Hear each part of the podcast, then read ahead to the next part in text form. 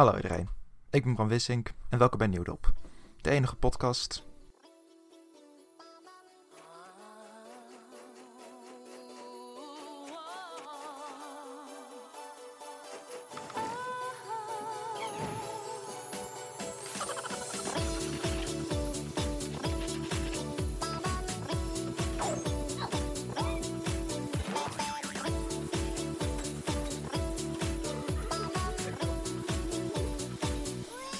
Jullie horen, hebben een nieuwe intro. Uh, dat is niet vanwege copyright dingen of zo. Uh, ja, het is gewoon een nieuwe. Ik ben. Uh, ik heb alle bestanden die ik de vorige keer heb gebruikt op dit moment niet op mijn beschikking. Dus het is even. ja. Ja, het is even allemaal anders, hè. Maar ja, jullie zijn nog niet zo heel veel gewend, want dit is alweer de tweede aflevering. Maar ook nog maar de tweede aflevering. Ehm, vorige keer heb ik volgens mij 10 minuten gewoon een beetje geluld over tomaten aan het begin. Uh, dat zal ik jullie niet weer aandoen. Ik wil alleen maar even melden. Uh, de tomaten was ook ruim het meest controversiële onderwerp in de vorige podcast. Degene waar ik de meeste berichten over heb gehad. De meeste waar, degene waar ik de meeste haatberichten over heb gehad. Uh, er waren een paar mensen met me eens, zeker niet iedereen. Andere dingen die ik nog wil toevoegen over de vorige podcast. Mijn antwoord op de vraag waarom vissen schubben hebben, klopt blijkbaar. Dit is een, een goede bron, heeft dat aan mij vermeld. Dat mijn antwoord klopt. Ik weet niet meer wat mijn antwoord is. Uh, maar hij klopte wel. Um, ik wil het nog wel even hebben over iets, nog voordat we ik met de vraag begin. En dat is uh, de Donald Duck, het tijdschrift. Het is echt super raar.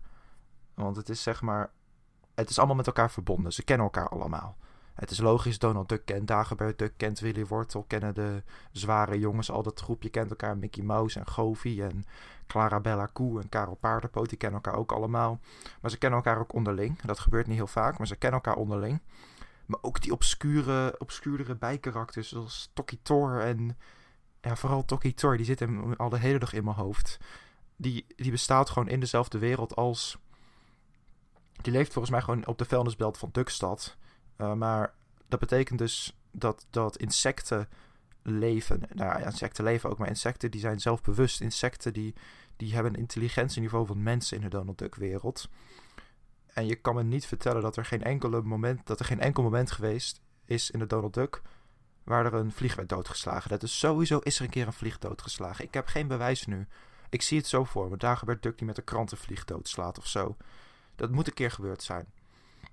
Die vliegen leefden. Die vlieg had gevoelens en een familie en emoties. En ze eet, ja, maar als, als zelfs al insecten in de Donald Duck, als die zelfs al zelfbewust zijn, dan, dan zijn alle dieren dat toch. Ja, en eh, je hebt natuurlijk honden. Uh, Lubas en Pluto, die zijn, dat zijn gewoon honden. En dan tegelijkertijd is Bolder, buurman Bolderbast is een hond en Goofy is een dingo. En die zijn wel gewoon weer zelfbewust. Dus dat is gek, maar... Dus er zijn sommige dieren die zijn zelfbewust, andere niet. Maar hoe werkt dat dan? Hoe, dit is een discussie die wij, hier hebben genoeg mensen over nagedacht. De antropomorfische dingen in de Donald Duck. Want er zit gewoon geen consistentie in. En dat het natuurkundige wetten breekt en zo, dat boeit me niet. Want het is een fantasiewereld. Behalve dat het ook niet echt een fantasiewereld is, maar zeg maar een beetje. Duckstad bestaat natuurlijk niet. Want eenden kunnen gewoon niet praten. Ja, sorry als ik nu iemands hart breek, maar eenden kunnen niet praten. Ja, is dat is heel zwaar. Dat is heel zwaar. De enige manier hoe een eend kan praten is als je gaat vragen: hey, wat zegt een eend? En dan zegt hij of zo. En dan, ja, dan praat hij. Maar dat is niet praten. Dat is gewoon flauw. Dat is gewoon heel flauw. Ik moet ook niet zo flauw doen. Dat is een beetje gek van me. Sorry. Uh, maar er zijn wel gewoon echte locaties in de Donald Duck. Zwarte Magica woont op de Vesuvius. Die bestaat gewoon, net buiten Rome. Rome bestaat volgens mij ook gewoon. Ze gaan wel eens naar Egypte naar piramides en zo. Dat zie ik wel, dat kan ik me herinneren. Of de Amazone of allemaal Australië. Maar dan tegelijkertijd ook in landen die niet echt bestaan. Uh, kan ik even geen voorbeeld van bedenken. Maar waarschijnlijk echt 500 verschillende keren dat ze naar een land in Afrika zijn gegaan met een of andere net niet racistische naam. Of uh, vrij duidelijk racistische naam. Of, maar ja, maar Timbuktu bestaat dan ook weer. Dat bestaat echt. En dan Verwegistan bestaat weer niet. Het is gewoon allemaal... Het is gewoon zo inconsistent. Ze kunnen ook gewoon alles zelf bedenken, toch? Gewoon, als ze nou gewoon hadden gedaan... Ja, het zijn allemaal dieren... Uh, die leven in een wereld waar geen mensen leven en alles is fantasie. En niet gewoon, ja, een beetje is fantasie. Het is gebaseerd op, het is wel de aarde, maar er zijn een paar dingen die niet kloppen. Hoe komt dat? En Toki Tor, ik, ik snap hem gewoon niet. Wie vond dat leuk? Dit is meer een kwestie van smaak en niet van, van de structuur van de Donald Duck. Maar, maar Toki Tor, voor de mensen die Donald Duck niet hadden, dat was, waren gewoon verhalen over gewoon een, een vrij normale Thor. Al, nou ja, een, als het geen Thor was, het was gewoon een normaal, een normaal joch. Gewoon een, gewoon een, een kereltje, Toki Thor. En hij had wel avonturen, maar ook niet heel spannend of zo. Het was gewoon, oh, hij moet op zijn kleine broertje passen. Of uh, een vriend van hem uh, heeft iets gedaan en dat moet hij oplossen. Echt niet zo spannend als de Mickey Mouse of de Donald Duck verhalen. En het enige ding daarvan was dat het een Thor was. Alleen dat voegde nauwelijks iets toe. Er was soms gewoon een grapje van, oh, hij is klein. Maar dat zijn al die torren. Want hij had niet per se contact met mensen of zo. Dat was gewoon een tor in een torrenwereld. En ik snap gewoon niet per se wat daar het, wat daar het nut van was. De, de meeste Donald Duck karakters hadden nog wel nut, ondanks dat ze niet allemaal leuk waren. Niet, het waren een paar die niemand boeide toch, maar Toki Tor, niemand, wie denkt echt, ah, yes, Toki Tor. Ik hou van Toki Tor. Nee, nee, ik ben het. Nee, ik snap dat. Als iemand ooit zou zeggen tegen mij dat hij echt Toki Tor fan is. Als je, als je op iemands kamer komt en er hangt een poster van Toki Tor. Dan bel ik de fucking politie. Ik, ik, ik bel de politie, maar ook meteen GGZ-kliniek. Want dit is niet oké. Als iemand een Toki Tor poster heeft ophangen en echt fan is van Toki Tor. Dan zou ik het echt niet weten. Ik zou echt niet weten wat ik dan met mijn leven aan zou moeten. Ik, ik zou geschaad zijn. Ik zou, ik zou gewoon de rest van mijn leven een soort duistere, mistige, nevelige visie over mijn ogen hebben. Want het, dat zulke mensen zouden bestaan, dat zou echt gewoon mijn leven verpesten. Gewoon nog meer verpesten. Dat is echt, dat is echt niet oké. Ja, het is ook wel erg. Hè? Dat heb ik net aan het begin van de podcast gezegd. Ik ga niet weer zo lang lullen over tomaten. Heb ik het fucking zes minuten gehad over Toki Tor. Ja, ik, de mensen die nu weg zijn geklikt, weet je, ik neem het jullie ook niet kwalijk. Ik, dit gaat een lange podcast door. Ik heb meer dan twee keer zoveel vragen gekregen als de vorige keer. Uh, dus we gaan er maar aan beginnen. Ik heb ze hier op een volgorde liggen. Uh, vrij willekeurig bepaalde volgorde. Maar ik heb er een paar achter elkaar. Omdat ik denk, oh, dat is leuk achter elkaar. Uh, en de eerste vraag. er zijn nu vragen gekomen. De eerste waren eigenlijk allemaal via Twitter. En een paar. En eentje niet via Twitter, eentje via het echt. Maar nu heb ik vragen via Twitter, vragen via Instagram, vragen via WhatsApp en één vraag in het echt gekregen. Dus dat is leuk. Uh, leuk, echt super leuk. Oh, dat wil ik nog zeggen. Dat moet ik aan het begin zeggen. Fuck, ik zeg het nu. Super leuk dat mensen gewoon werkelijk luisteren hiernaar. Ik vind het gewoon heel leuk om te doen. Als niemand had geluisterd, had ik dit nog steeds gedaan. Maar er zijn gewoon werkelijk mensen die luisteren. En ik had gedacht, ik ga drie luisteraars krijgen. Mijn vader gaat het uit beleefdheid luisteren. Mijn zus gaat het uit beleefdheid luisteren.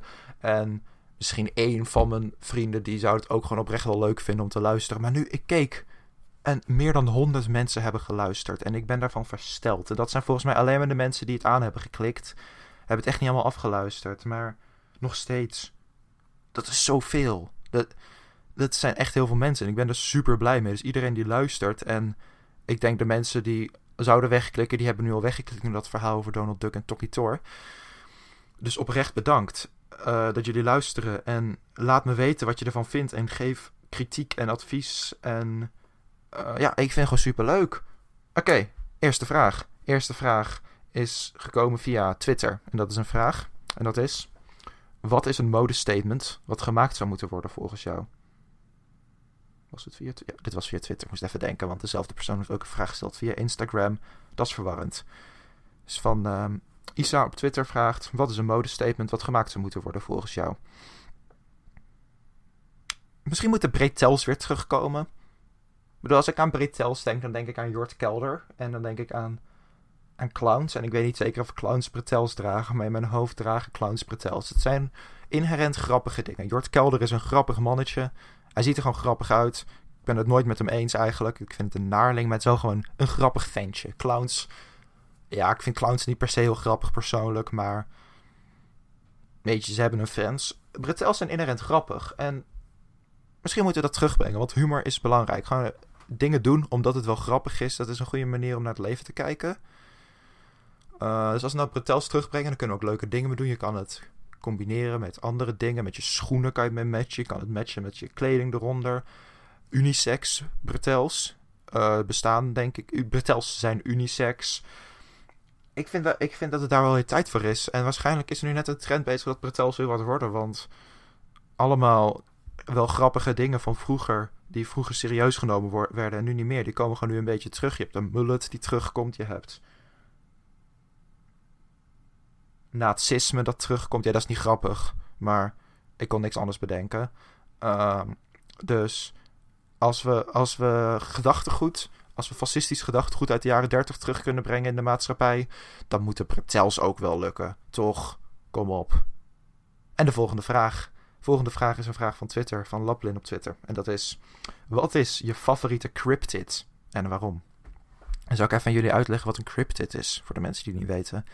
Een cryptid, dat is een dier of een wezen dat volgens legendes bestaat en volgens mythes bestaat, uh, maar nooit is bewezen dat het bestaat. En dan de beste voorbeelden daarvan zijn het monster van Loch Ness, uh, Bigfoot, de Yeti. Dat zijn een beetje de bekende. Maar mijn favoriete cryptid. Oei, ik ga heel even de opname pauze zetten, want ik heb er een in mijn hoofd, maar ik weet niet meer zo goed hoe die heet. ik, ik, ik, was aan het opzoeken hoe die ene cryptid heette. En dat was uh, Mogolomebebe. Dat is een, uh, soort Loch Ness, alleen al in, uh, in Congo. maar ik heb een andere gevonden wat mijn echte antwoord gaat zijn. dat antwoord is...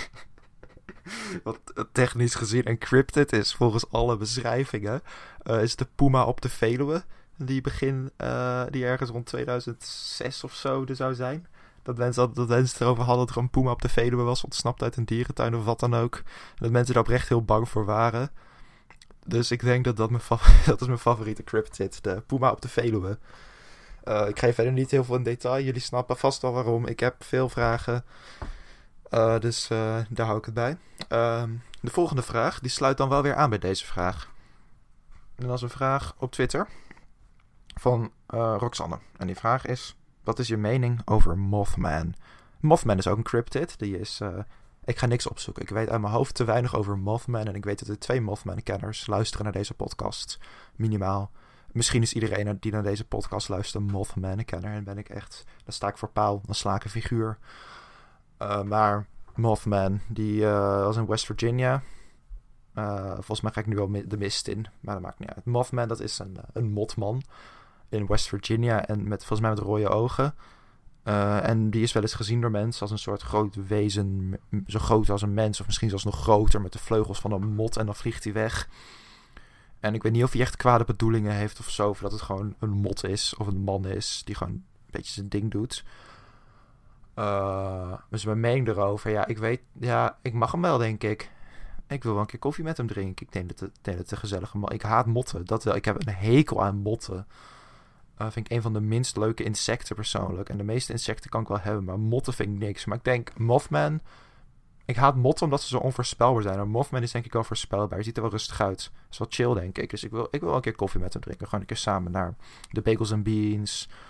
IJskoffie of uh, cappuccino met sojamelk of zo. Nee, ja, Mothman is denk ik wel... Um...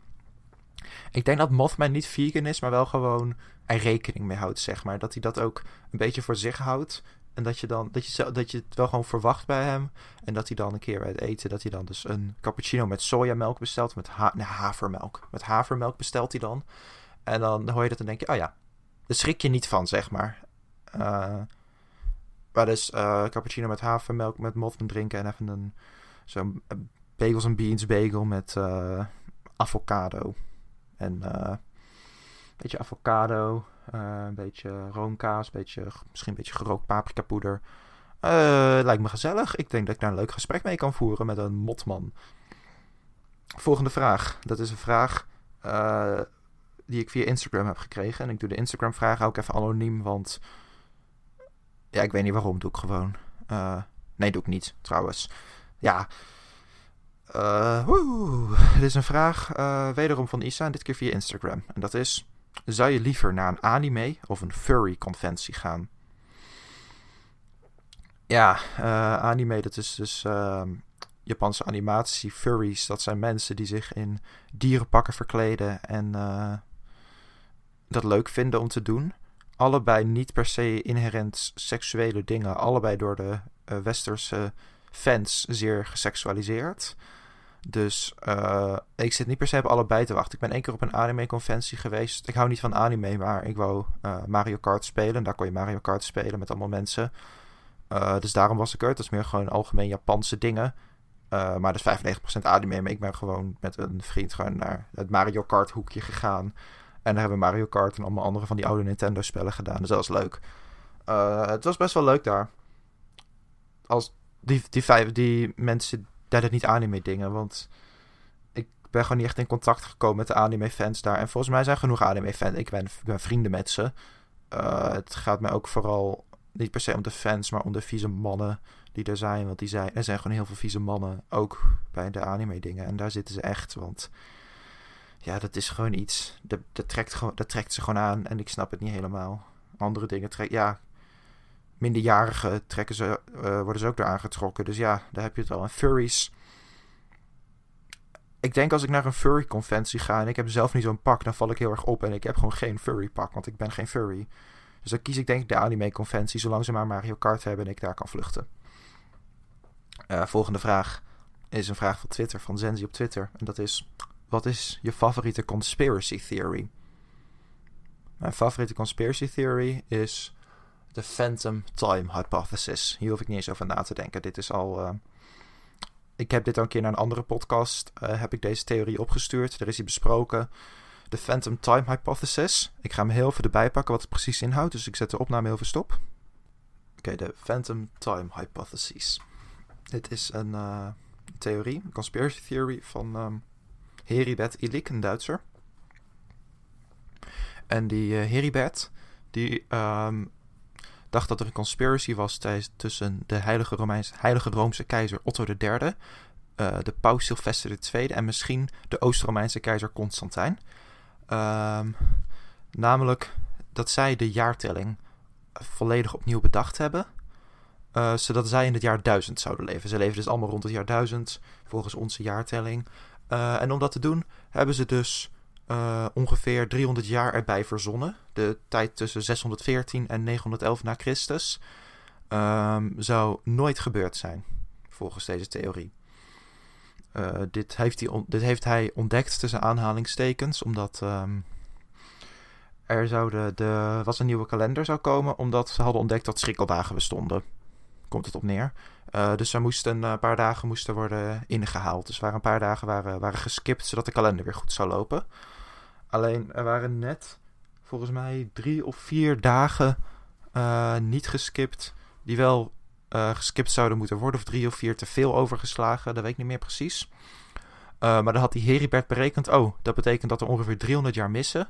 Dat 300 jaar nooit gebeurd zijn. En dat die dus verzonnen zijn. En dat het daarom die drie dagen nooit zijn overgeslagen. Um, dit klinkt redelijk realistisch soms. Behalve als je bedenkt dat er dingen buiten Europa bestonden. dus dat, dat er gewoon nog wel in die jaren die nooit zijn gebeurd, volgens deze Heribert, er ook heel weinig archeologisch bewijs zou zijn dat er in Europa die dingen zijn gebeurd en heel weinig geschreven bronnen en zo. Um, ja, wel gewoon in het Midden-Oosten en in China en Japan en India en eigenlijk alles wat niet Europa is, zijn, wel dingen, zijn ook dingen gevonden uit die tijd. Terwijl Zelfs in, in Amerika, in het huidige, huidige Amerika, de, de, Mayaanse, de Mayaanse kalender hield rekening met deze jaren. Um, wat dus zou betekenen als het echt een samenzwering was van iedereen, dat de Europeanen rond het jaar 1000 al van de Mayanen afwisten en van Amerika afwisten, maar ze toch 500 jaar wachten om het te koloniseren. Dat klinkt niet realistisch. Uh, dus dat. Ja, uh, dat is als mijn favoriete theorie. Omdat hij, nou ja, het is geschiedenis, dus dat vind ik leuk. En hij is gewoon, hij is, hij is gewoon heel gek. Hij slaat gewoon helemaal nergens op. Het is, zo het is een heel onnodige theorie, want je bereikt er ook eigenlijk niks mee. Um, dus dat is mijn favoriete conspiracy theory. De volgende vraag is een vraag van Instagram, van Anouk op Instagram. En dat is, hoe denk jij over knolselderij? Vind ik een mooie vraag, het rijmt knolselderij stop. Ik vind knolselderij vind ik top, maar ik zou het nooit, als ik zeg maar gewoon een groente zou eten, zou dat nooit knolselderij zijn. Het is gewoon goed erbij. Het is goed in soepen, in stoofpotten, in stews. Als je gewoon wat een groentemelange uit de oven hebt. Dus knolselderij er altijd gewoon goed bij. Het is een, een milde smaak, een fijne structuur. je kan, het neemt goed de smaak op. Het voegt, het voegt smaak toe aan andere dingen. Het is gewoon fijn om erbij te hebben. Het is gewoon, het is een goede basis erbij. Een beetje op te vullen. Goede vitamintjes, knolselderij. Ik ben voorstander.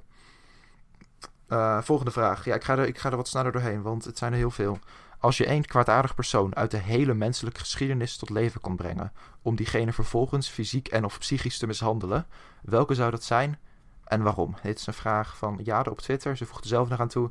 Ik twijfel zelf tussen Thatcher en Reagan.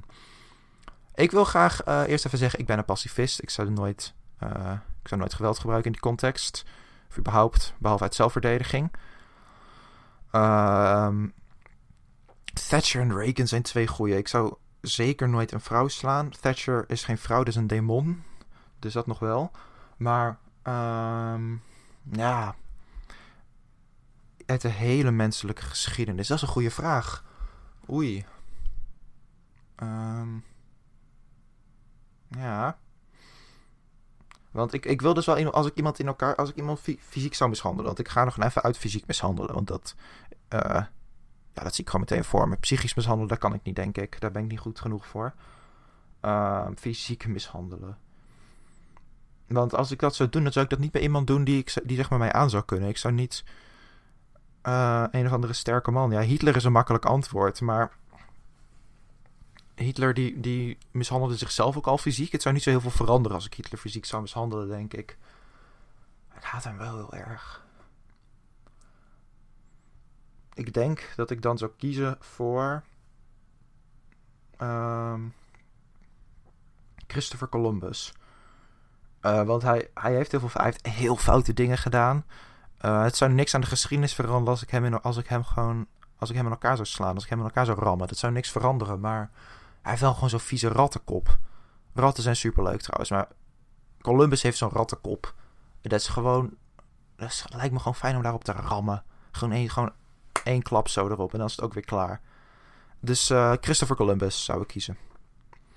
Uh, volgende vraag is een vraag van Instagram uh, van Sion.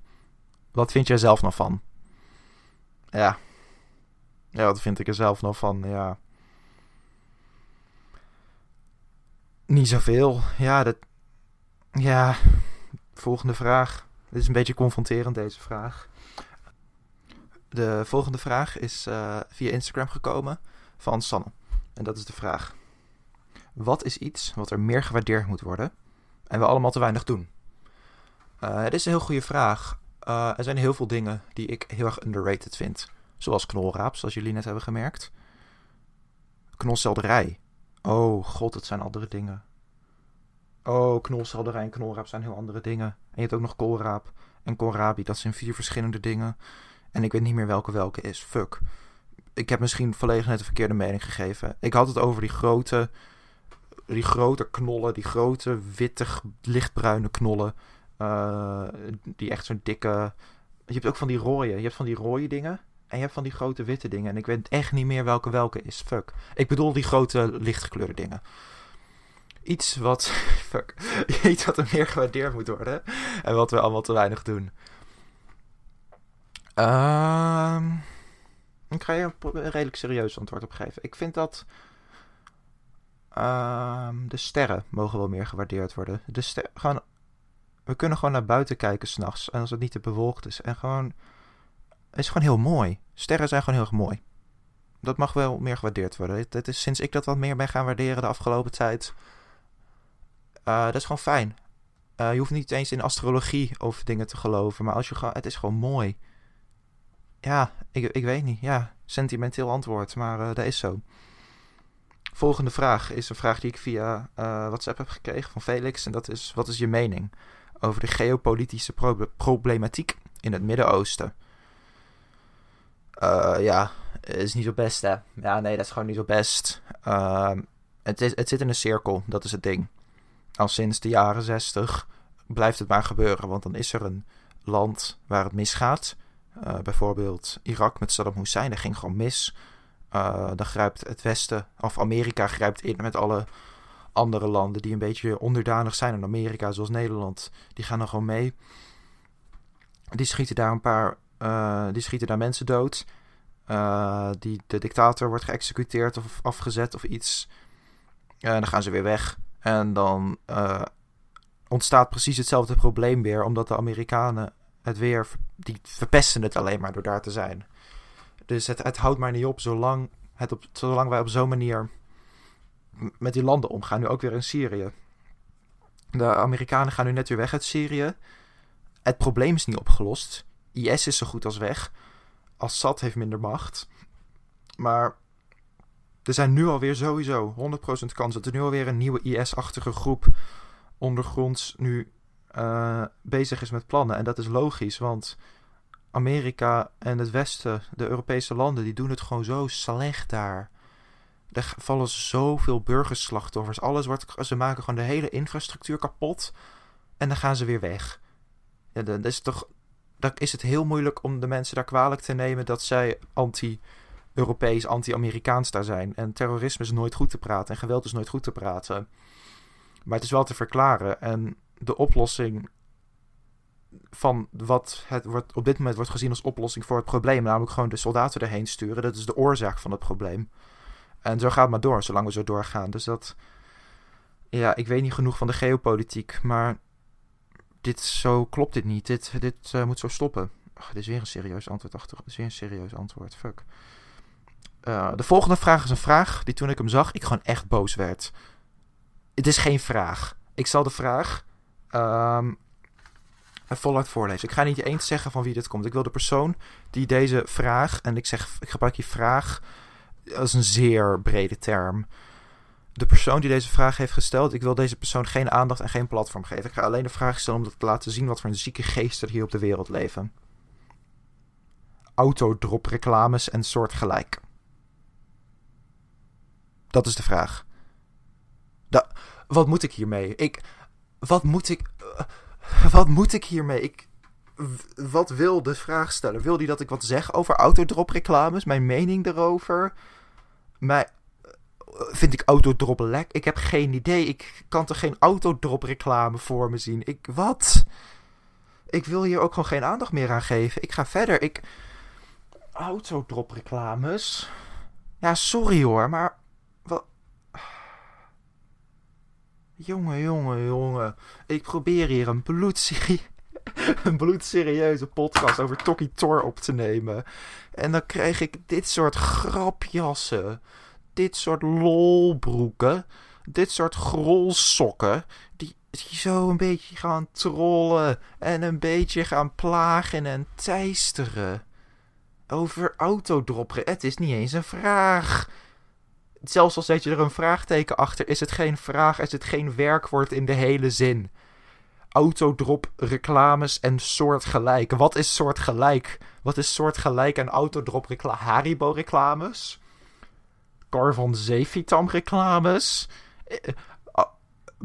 Uh, waarom?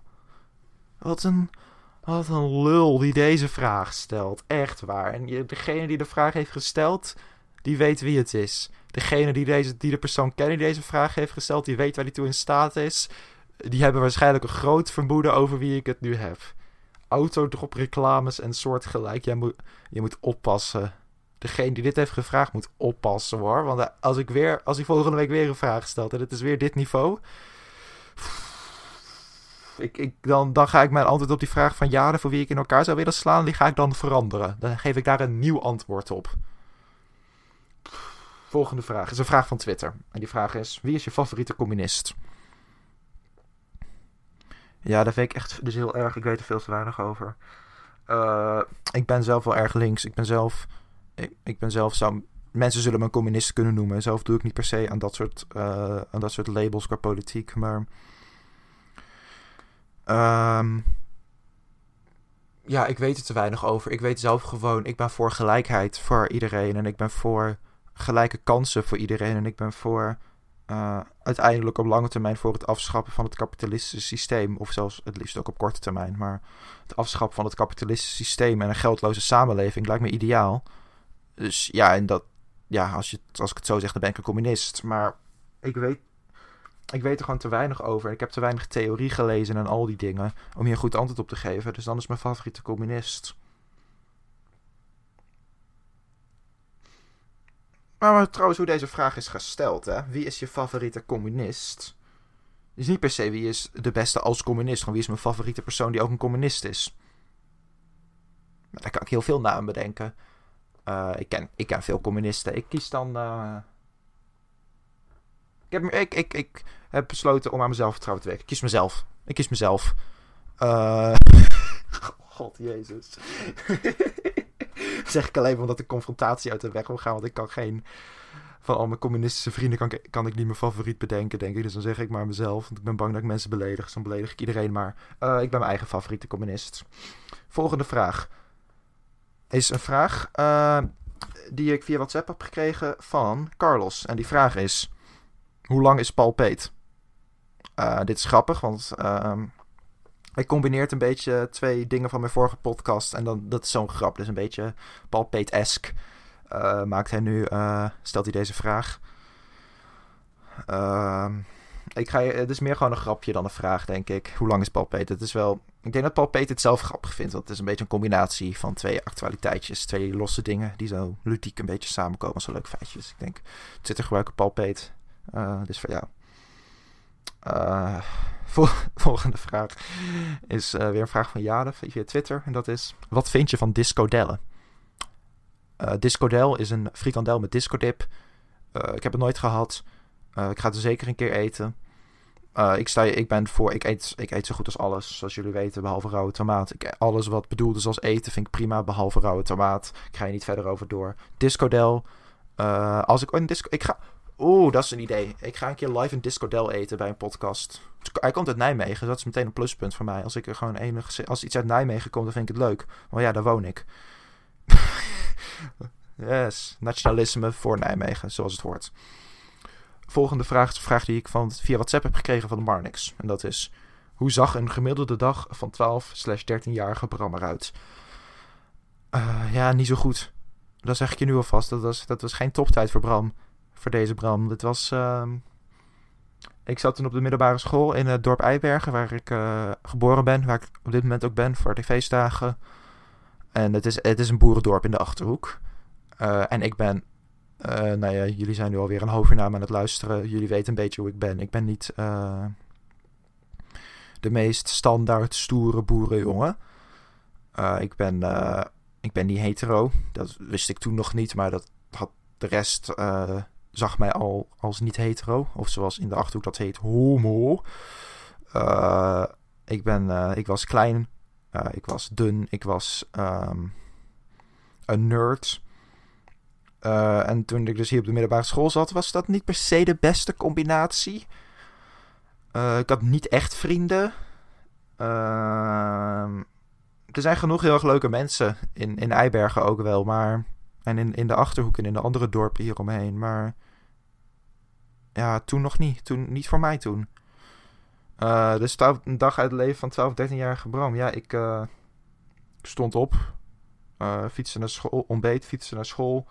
Zat er gewoon een beetje niks te doen. ging weer naar huis. Zat op mijn kamer.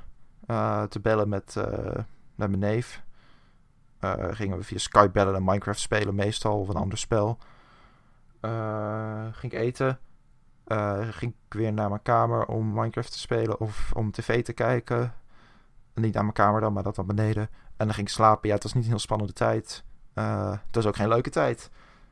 Uh, dit is weer een veel te serieus antwoord. Maar ik wist ook dat ik op deze vraag een serieus antwoord zou moeten geven. Dus vandaar zijn de andere vragen een beetje wat, uh, wat lolliger. Ben ik wat lolliger om aan te gaan met die andere vragen. Want het wel een leuke podcast blijven. er komt nog één andere vraag met een serieus antwoord. En niet zo leuk antwoord. Dus bereid je voor. de volgende vraag is een vraag van Twitter-gebruiker Goblijn. En die vraagt: Waarom schrijven ze nog boeken als er ook films bestaan? Het boek is een achterlijk medium. Dit, dit klinkt meer als een soort frustratie dan als een vraag, maar ik kan dit beantwoorden. Uh, als in een boek iemand poep of pies zegt. Als het woord poep of pies in een boek staat, dan schrik je daarvan natuurlijk. Dat is een vies woord. Of andere vieze woorden natuurlijk. Dan denk je van, oh, dat is vies. Uh, maar dan is, het, dan is het misschien het boek een beetje verpest voor je als er zo'n vies woord in staat. Maar dan kan je heel makkelijk een ander boek lezen. Want elk boek is los van elkaar. Uh, als er een karakter in een boek poep of pies zegt, dan heb je dan is misschien dat karakter niet meer leuk voor jou, omdat hij zo'n vies woord zegt. Maar het boek kan nog wel oké zijn, want het, is, het zijn alleen maar woorden. Het is niks. Als je in een film zit en in die film daar speelt bijvoorbeeld een of andere, een of andere bekende superster Hollywood acteur, uh, Thomas, Thomas Akda speelt daarin. En die zegt dan poep, of die zegt pies in de film. Ja, dan is Thomas Akda verpest. Hoe kan, hoe kan je dan nog, als je weet, Thomas Akda heeft poep of pies gezegd, dan kan je niet meer naar alles is liefde kijken zonder dat voor je te zien. Dan zie je alles is liefde en dan zie je Thomas Akda en dan kan je alleen maar denken aan poep of pies. Of dan luister je naar Ren Lenny Ren van Akte en de Munnik. En het enige wat je hoort is poep, pies, poep. Omdat hij dat één keer heeft gezegd, dat is verpest. Die man is verpest daardoor. En in boeken heb je dat probleem. Dus ik denk, uh, Twitter-gebruiker Gooplijn, dat er nog steeds boeken zijn. Dat er nog steeds boeken geschreven worden om dit een beetje te voorkomen. Want sommige mensen willen gewoon vieze woorden als poep of pies in hun, in hun mediums, in hun, in hun entertainment zetten. En dan zijn boeken daar beter voor, want anders, dan verpest je, anders verpest je mensenlevens. Als je acteurs, echte mensen, steracteurs, steracteurs als Pierre Bokma, als je die poep of pies of voorhuid laat zeggen, dan. Sorry. ik vind mezelf soms te grappig. Als je, als je Pierre Bokma voorhuid laat zeggen, dan is die man verpest. Zijn leven is voorbij. Hij zal nooit meer serieus genomen kunnen worden. En in een boek heb je dat probleem. Dus ik denk, ik denk dat dat het is. Uh, de volgende vraag is een vraag van mijn vader. Die die net aan me vroeg. Uh, en dat is... Waarom stoppen ze op 6 december al met de verkoop van gevulde speculatie als in augustus al beginnen? Ik heb er in januari en februari meer behoefte aan dan in het najaar. Uh, wederom, dit klinkt veel meer als gewoon een frustratie dan een vraag. Het was ook gewoon een beetje frustratie uit de richting. Maar nou, dat snap ik wel. Uh, ik ben het er ook al mee eens. Ik vind het onzin dat pepernoten niet het hele jaar verkocht worden en al die dingen van. Zet ze gewoon wat prominenter in het schap vanaf oktober of vanaf november of zo. En laat ze gewoon de hele tijd daar liggen. Wie boeit het nou, weet je? Iedereen zeurt elk jaar. Oh, de pepernoten liggen al in de winkel. Ah, leuk toch? Dat is lekker. Je hoeft ze niet te kopen als je nu wil. Heel kapitalistisch van me. Maar het gezeik is ook kapitalistisch. Het is alleen maar reclame. Ze leggen het zo vroeg in de winkel. Weet je niet hoe fijn dat is? Als iedereen gaat zeggen: Wow, de pepernoten liggen al in de winkel bij de kruidvat. Gaat iedereen naar kruidvat om de pepernoten te kopen? Dat, dat is gewoon gratis reclame. Dus als ze gewoon het hele jaar daar liggen, gewoon al die Sinterklaas dingen. liggen daar gewoon het hele jaar. En dan, dan maken ze er maar wat meer. Want het wordt natuurlijk meer verkocht rond Sinterklaas. Dan maken ze dan meer. Dan produceren ze dan meer. Het is gewoon vraag en aanbod en alles. Oh, ik klink als een kapitalist, maar dat maakt niet uit. Ehm. Dus ik ben het hiermee eens. Het is niet per se, ja, ik ben het gewoon met de frustratie eens.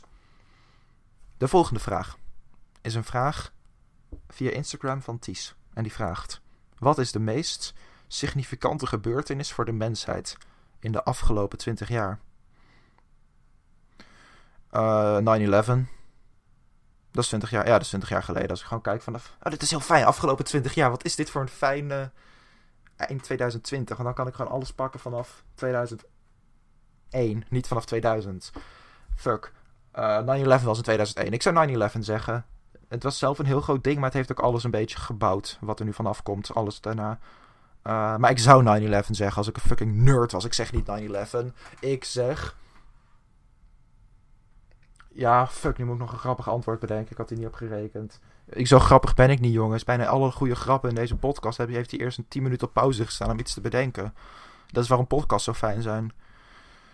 Uh, maar het is niet 9-11. Nee, mijn favoriete, de meest invloedrijke gebeurtenis, de significante gebeurtenis voor de mensheid in de afgelopen 20 jaar. Ik denk uh, de Harlem Shake. Ja, dat was gewoon leuk. Was gewoon lachen, dus grappige filmpjes. Uh, ja, mag, jij mag het anders vinden hoor, maar. Uh, doe de Harlem Shake. Dat is gewoon leuk. Uh, de volgende vraag. Oh. oh, een kutvraag. Ze vraag via Twitter van Hugo. Met wie van Twitter wil je op een date? Ja, maar dit is gewoon een kutvraag, hè? Want dit vraagt hij alleen maar omdat hij weet dat ik een kutvraag vind. Uh, Ja, ik zeg. Uh, maar iedereen zit op Twitter. Ik ga het gewoon heel tactisch antwoorden. Ehm, ik denk Bill Gates. Hij is heel rijk. Hij is Jeff Bezos is heel rijk. En nog rijker zelfs. En uh, niet getrouwd. Dus als ik nu gewoon Jeff Bezos ga daten en ga trouwen, dan word ik heel rijk. En dan kan ik mijn geld inzetten om uh, het kapitalisme de wereld uit te helpen. Dan ga ik gewoon al dat geld aan de staat geven en al het geld verdelen onder mensen die het nodig hebben. En dat gaat dan naar de zorg en dat gaat dan naar alles. Um, dat is een beetje een kut antwoord, maar ik wil Hugo ook niet het plezier gunnen van een leuk antwoord op zijn kutvraag. Zo simpel is het. Dit is uh, volgende vraag. is een vraag uh, via Instagram van Martijn. En die vraag is: welk van de Centraal-Aziatische standlanden is het meest beest? Uh, met beest bedoelt hij het beste. Dat is gewoon het beste land, het leukste land, geen die het goeds doet. dat zijn natuurlijk de landen, de standlanden.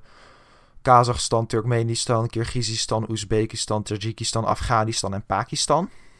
Um, of ja, Koerdistan trouwens ook. Dat is niet erkend, maar ik, ik, wel door mij. Uh, nou, er zijn een paar landen die gewoon niet zo fijn zijn. Turkmenistan is wel echt gewoon een nare dictatuur. Maar tegelijkertijd heeft Turkmenistan wel een heel groot gat in de woestijn. Waar, wat al 30 jaar in brand staat door een gaslek. Dat vind ik gewoon leuk. Dat is gewoon lachen. Oezbekistan is grappig. Ik weet niet waarom. Ik vind Oezbekistan gewoon grappig. Kazachstan is uh, dat is Borat komt uit Kazachstan. Dat is een stemmetje dat mensen op kunnen zetten dan. Dat is grappig. Pakistan is een beetje, die valt er een beetje buiten. Want dat is toch wel, die is, heel, die is veel machtiger. En veel, er wonen veel meer mensen dan die andere landen allemaal bij elkaar. Uh, Pakistan is wel cool. Afghanistan is, heel, Afghanistan is heel cool. Ja, het is jammer van de Taliban. Uh, God, wat, wat een statement. Het is, het is jammer van de Taliban. Hier staat, dat ik achter. Maar het land zelf is wel echt heel mooi. Heel mooi geschiedenis en alles. Uh, maar ik zeg Kirgizistan. Uh, want Kirgizistan, dat is echt. Dan moet je naar foto's kijken daarvan. Dat is mooi. En dat is politiek best oké, maar het is zo mooi daar. Met allemaal bergen. En zo. Uh, dus ik. Ja, Kirgizistan. Ja, daar wil ik heen hoor. Dat is degene waar ik het liefst heen wil. Van alle stannen. Alle stannen grappig antwoord zou zijn hierop Stan van Eminem. Maar ja, niet iedereen is Paul niet iedereen is zo grappig als, als hij. Uh, we hebben nog maar vier vragen te gaan. Nog vier? Oh, dat is minder dan ik dacht. Uh, de podcast gaat langer worden dan de vorige, want bijna drie kwartier al bezig en ik heb nog vier vragen. Ik heb twee vragen gewoon geskipt, zie ik nu, per ongeluk. Uh, oh ja, die ene vraag waar ik geen leuk antwoord op heb. Dat is de vraag via Instagram van Sanne. En dat is de vraag: hoe gaat het met je? En hoe was je kerst? Ja, uh, het, was, uh, het is 2020 dus, en we zijn in lockdown. Dus kerst is voor iedereen anders dan normaal en anders dan ze zouden willen. Maar het is voor mij helemaal, want dit is de eerste kerst waar mijn moeder niet bij kan zijn, omdat die er niet meer is. dus dat was al gek dat ik dit met alleen mijn vader en mijn zus zou vieren zonder, zonder onze moeder erbij. Maar uh, uh, mijn zus is net voor kerst positief getest op corona. Dus ik zit hier alleen met mijn vader met kerst. De afgelopen dag. Ik neem dit op op de 27e, dus op derde kerstdag. Dus ik zit hier nu sinds de dag voor kerstavond zitten we hier met z'n tweeën. Uh, het is heel gezellig. Het is echt heel gezellig. We hebben het heel erg naar ons zin. We kijken films, we koken samen, we drinken wijn, we kaarten, we jatseeën. Uh, mijn zus was gisteren ook nog wel bij. Die had uh, gevideobeld om erbij te zijn. Dus dat was heel gezellig. Maar ja, om nou te zeggen dat het een, een leuke kerst... Het zijn wel leuke dagen en het zijn heel fijne dagen. Om te zeggen dat het een leuke kerst is, dat is een beetje niet een goed antwoord. Want heel, ja, het is niet echt kerst. we hebben wel lampjes en zo, maar... Ja, kerst is het niet met z'n, met z'n tweeën. Terwijl we toch normaal het altijd met minstens met z'n vieren hebben gedaan. En uh, meestal nog wel meer. Maar dat, ja. Dit jaar even niet, helaas. dus ook op de, antwoord, hoe, vraag, op de antwoord van de vraag hoe gaat het met je? Ja, er zijn betere tijden geweest. Maar ja, ik heb genoeg leuke dingen in mijn leven om genoeg leuke dingen en genoeg leuke mensen in mijn leven om, om me oké te voelen, gelukkig. Dus dat is fijn. Uh, dan de vraag hierna. Hoeveel bananen eet de gemiddelde persoon in zijn haar leven? dus een, uh, een vraag um, via Instagram van Ties weer. Uh, ja, geen idee. God, hoe, moet ik dit weten? Ik, waarom vraagt hij dit? Hij, hij zou het beter moeten weten dan ik. Hij, weet meer over dat soort dingen. Um, ja, maar hoe hij de vraag stelt, hè? Ik ken degene die deze vraag stelt. Dat is altijd, dat is echt zo'n mierenneuker. Dat is zo'n klassieke mierenneuker. Ik, ik heb even Tokkie Tor, ik heb Tor gewaarschuwd. Want Ties is een mierenneuker. Sorry, die vond ik leuk. Dat is een beetje teruggrijpen naar eerder. En nu verpest ik de hele grap weer, maar dat, dat vind ik zelf wel helemaal grappig. Um, dus omdat um, Ties zo'n mierenneuker is, hoeveel bananen eet een gemiddelde persoon in zijn haar leven? Nul. Of minder dan tien. Want de gemiddelde persoon heeft het niet zo goed. De, gemiddelde, de meeste mensen wonen in armoede. Waardoor het gemiddelde persoon leeft dus ook in armoede. Uh, waarschijnlijk in China of India, waar niet veel bananen groeien. Uh, maar ik weet, bananen zijn wel heel goedkoop. In Afrika eet de, de uh, mensen in Afrika die in armoede leven, die, eet, die leven wel veel van bananen. Omdat dat uh, heel goedkoop is en heel voedzaam is. Dus misschien toch best wel veel. Ik denk dat de gemiddelde persoon in zijn haar leven qua bananen. Nou, gemiddeld misschien 10 per jaar. Gemiddelde persoon dus al 70 worden als we kijken naar de wereld. 700. Dat zijn veel bananen. Zo, dat zijn veel bananen. Daar kan je wel een paar smoothies op maken, hè? Oeh. Nou, uh, nog vier vragen te gaan, dit keer echt. En dit is een vraag uh, via Twitter van Sander. En de vraag is: wat is het beste soort brood? Nou, het is in ieder geval geen roggebrood, dat kan ik je zeggen. Daar hou ik niet van. Ik eet het wel. Het is geen rauwe tomaat, dus ik eet het. Maar ik vind het niet lekker. Van dat Friese roggebrood. Sorry voor alle Friese luisteraars. Nee, weet je, geen sorry voor de Friese luisteraars. Als je beledigd bent dat ik roggebrood vies vind, dan moet je even goed in de spiegel kijken. Want als jij dat zwarte, bittere spul voor je plezier eet. Ja, dat snap ik ook wel. Ik, het heeft wel een unieke smaak. En ik snap dat mensen dat wel kunnen eten. Ik uh, moet niet zo agressief worden. uh, favoriete brood. Best, beste soort brood. Niet favoriet. Het beste soort brood. Uh, ik denk dat dit is het meest controversiële antwoord dat ik op deze vraag kan geven. ik heb erg vaak slaande ruzie gekregen over mijn mening over brood en over de term brood. Maar mijn favoriete soort brood is tortillas. Ja, ik uh, laat maar even inzinken. Maar het is brood, toch? Het is gewoon deeg. Het is gewoon deeg wat je in de oven afbakt. Een rauwe tortilla, dat is gewoon deeg. En dat bak je dan. En dan komt het in zo'n zo'n plastic verpakking in de supermarkt. En dan koop je het. Maar dat is gewoon brood. Het is gewoon afgebakken. Het is gewoon brood, tortillas.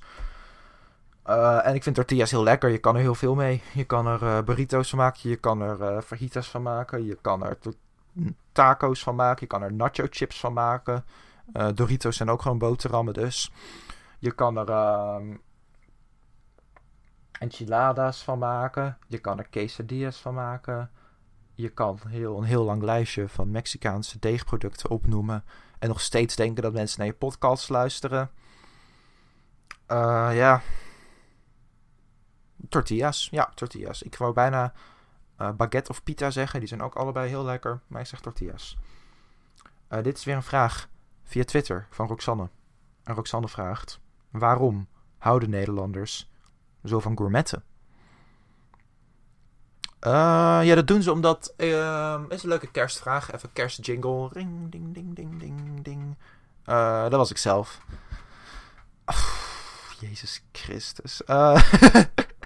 Nederlanders houden zo van gourmetten omdat.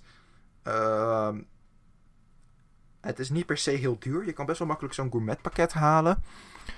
Uh, en ik denk gourmetten is vooral heel fijn voor degene die het kerstfeest organiseert als er familie komt. Want het is zo makkelijk. Je hoeft heel weinig te doen.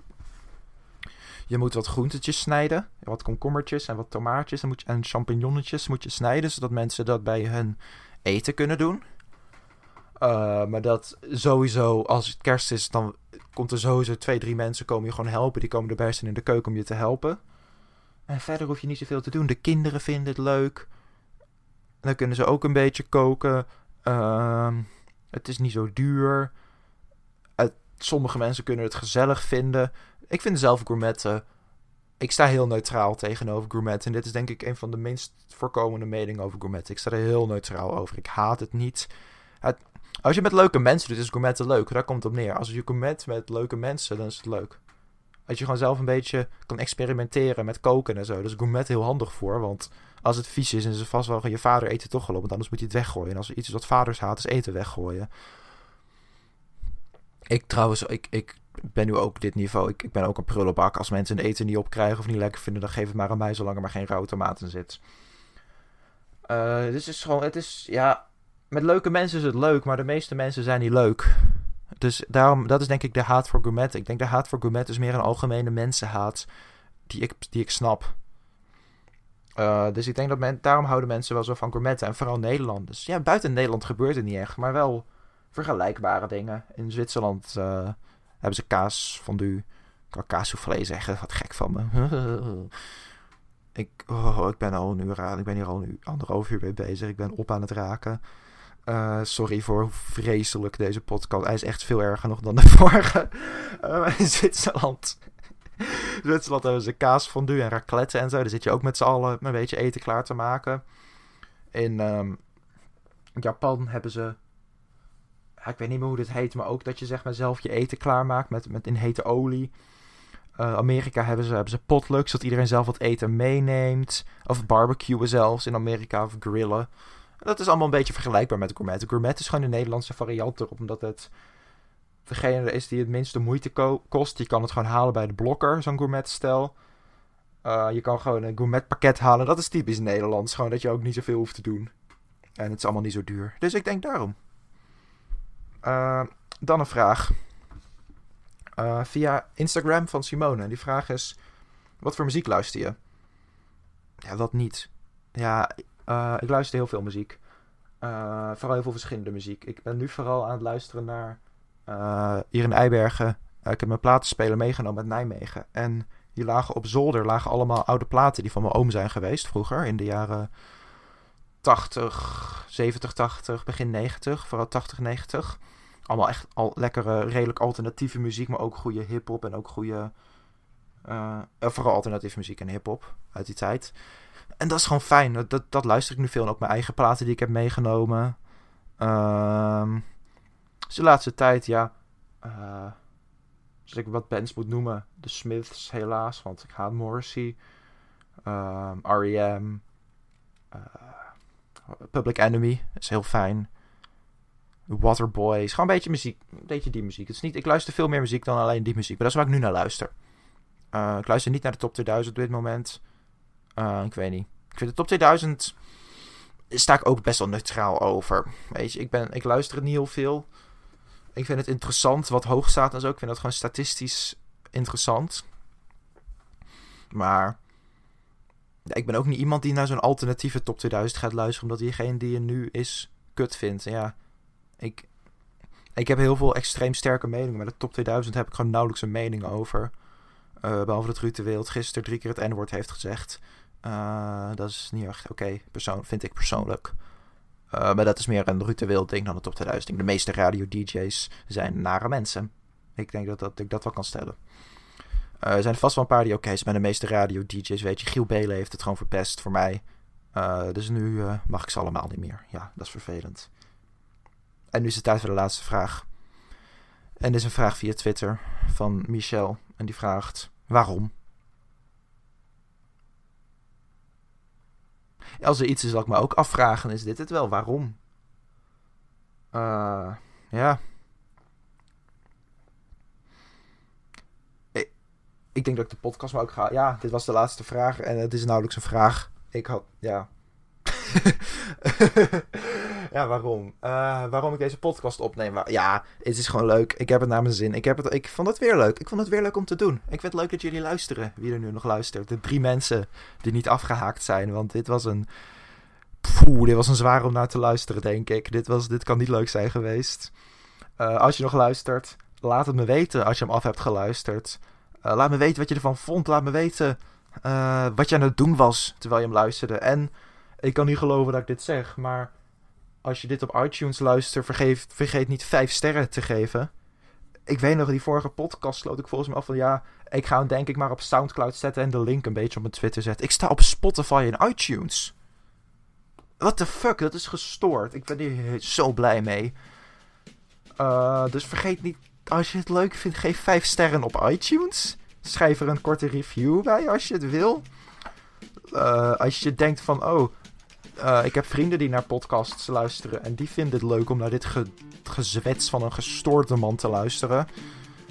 Stuur het door. Ik, ik kan niet geloven dat ik dit zeg. Ik klink zo overdreven commercieel, maar... Uh, ik heb geen Patreon, gaat ook nooit komen. Dit zal altijd, ik zal nooit iets voor geld doen hiermee. Ik vind het gewoon leuk. Uh, ja. Um, er komt trouwens ook een nieuwe, er een nieuwe intro. Er komt zo denk ik ook een nieuwe outro. Ik weet nog niet eens wat de intro of de outro muziek wordt. Dat moet ik nog uitzoeken. Maar uh, laat me weten wat je vond. En uh, tot de volgende nieuwdop. 55 minuten. Jezus.